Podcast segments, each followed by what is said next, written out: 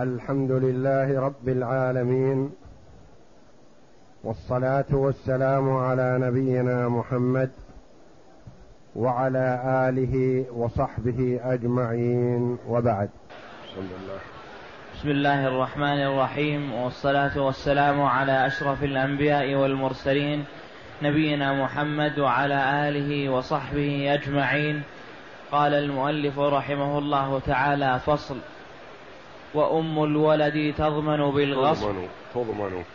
وأم الولد تضمن بالغصب لأنها تضمن في, في الإتلاف بالقيمة فتضمن بالغصب كالقن.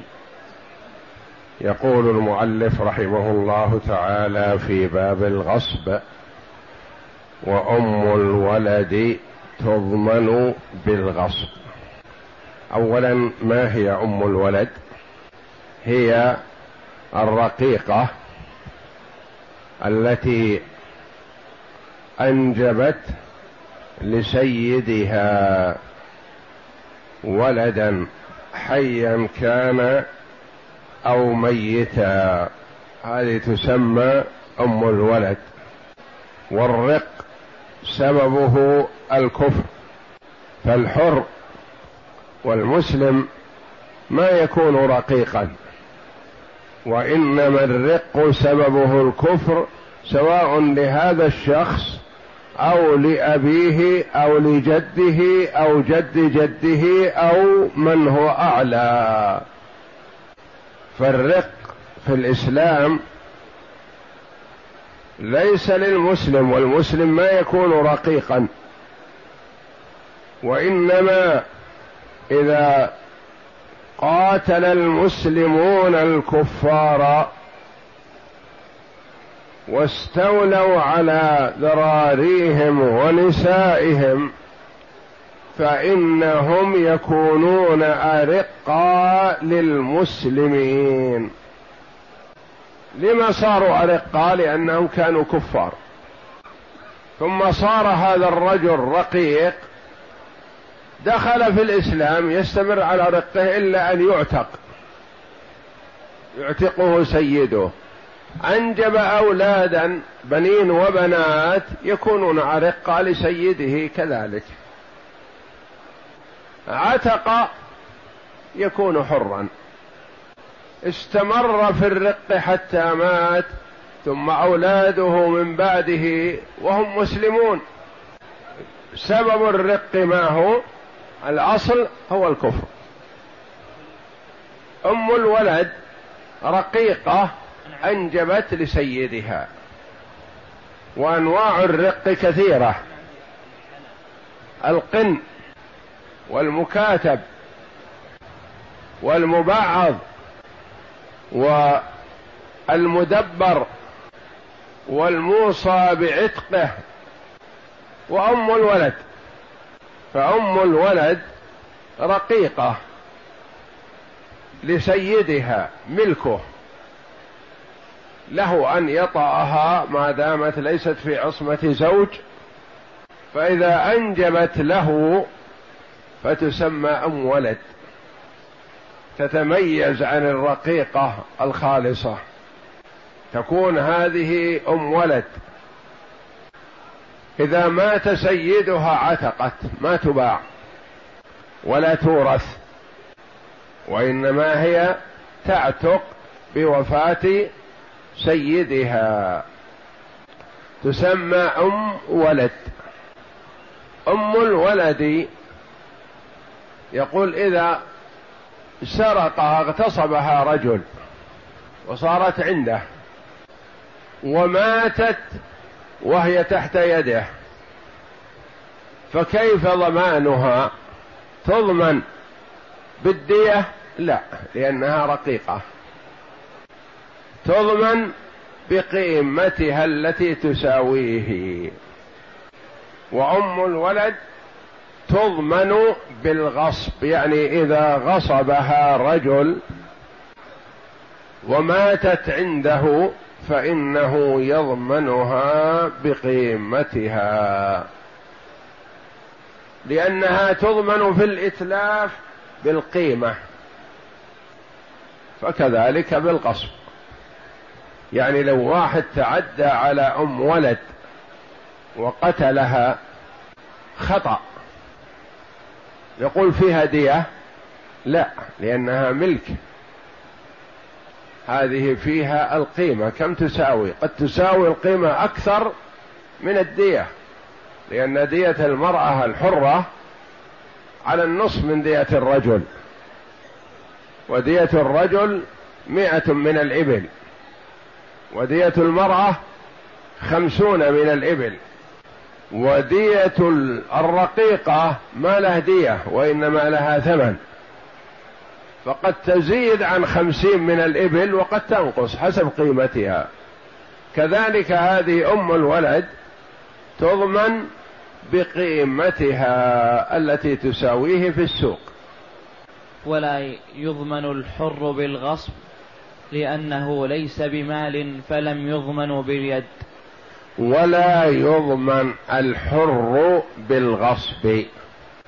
لو أن شخصا غصب غلام أخذه من والديه من أهل بيته واغتصبه وجعله خادما له. ثم مات حتف أنفه يعني بدون جناية. فهل يقال للغاصب تضمن أو تسلم الدية؟ لا. لأن الحر ما له قيمة يسلم قيمته. ما يباع ولا يشترى. إن تعدي عليه ففيه الدية. وإذا لم يحصل تعدي عليه فإنه يكلف الغاصب بأجرته وقت كونه عنده ونحو ذلك لكن ما يكلف بدية وهو لم يتعدى عليه بجناية. ولا يضمن الحر بالغصب لأنه ليس بمال لأن الذي يضمن هو ما كان مال. نعم.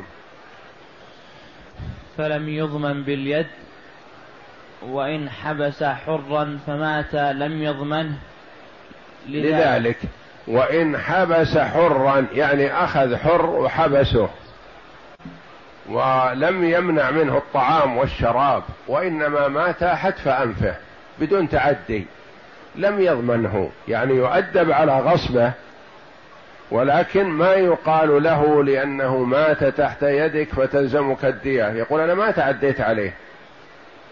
أنا اغتصبته صحيح وأخذته عندي ولكن أطعمته وسقيته ولم يناله يد متعدية. ما نالته يد متعدية وإنما مات حتف أنفه مات بقضاء الله وقضائه بأجله.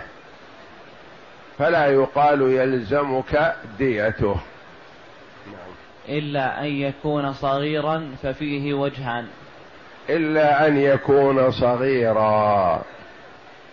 الصغير الذي لا يتصرف له. قالوا هذا يضمن. يضمن بديته.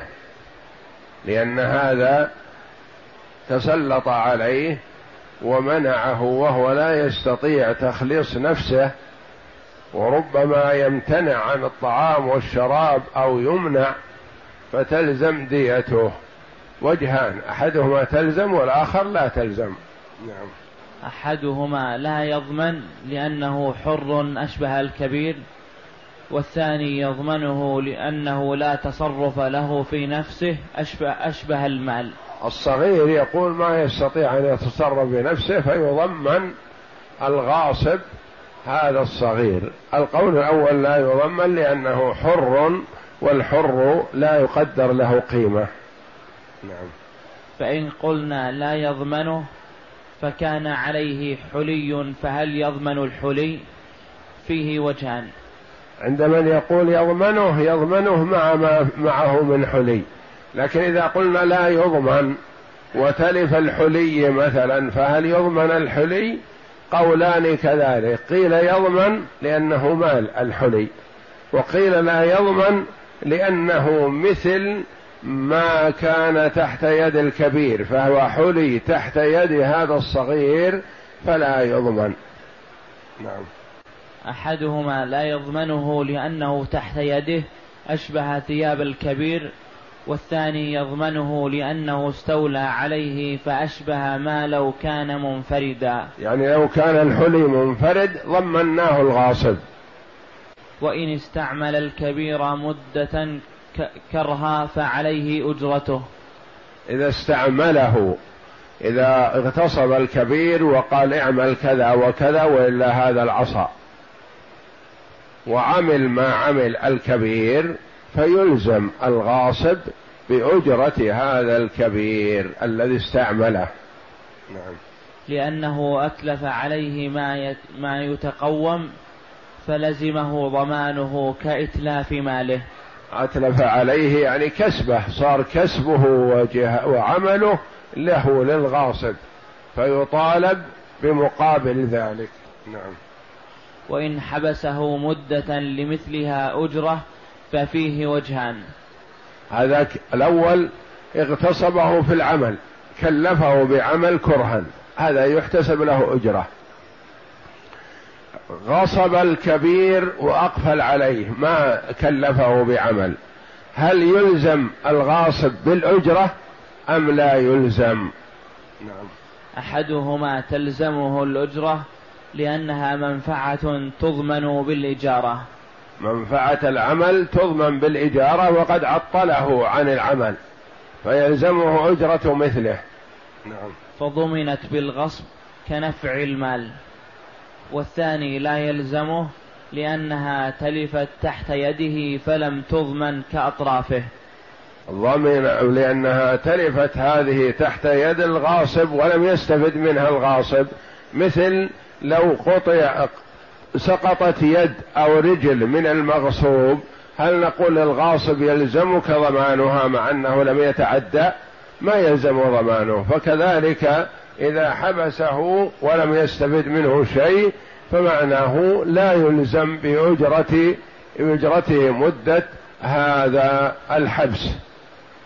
والله أعلم وصلى الله وسلم وبارك على عبد ورسول نبينا محمد وعلى آله وصحبه أجمعين.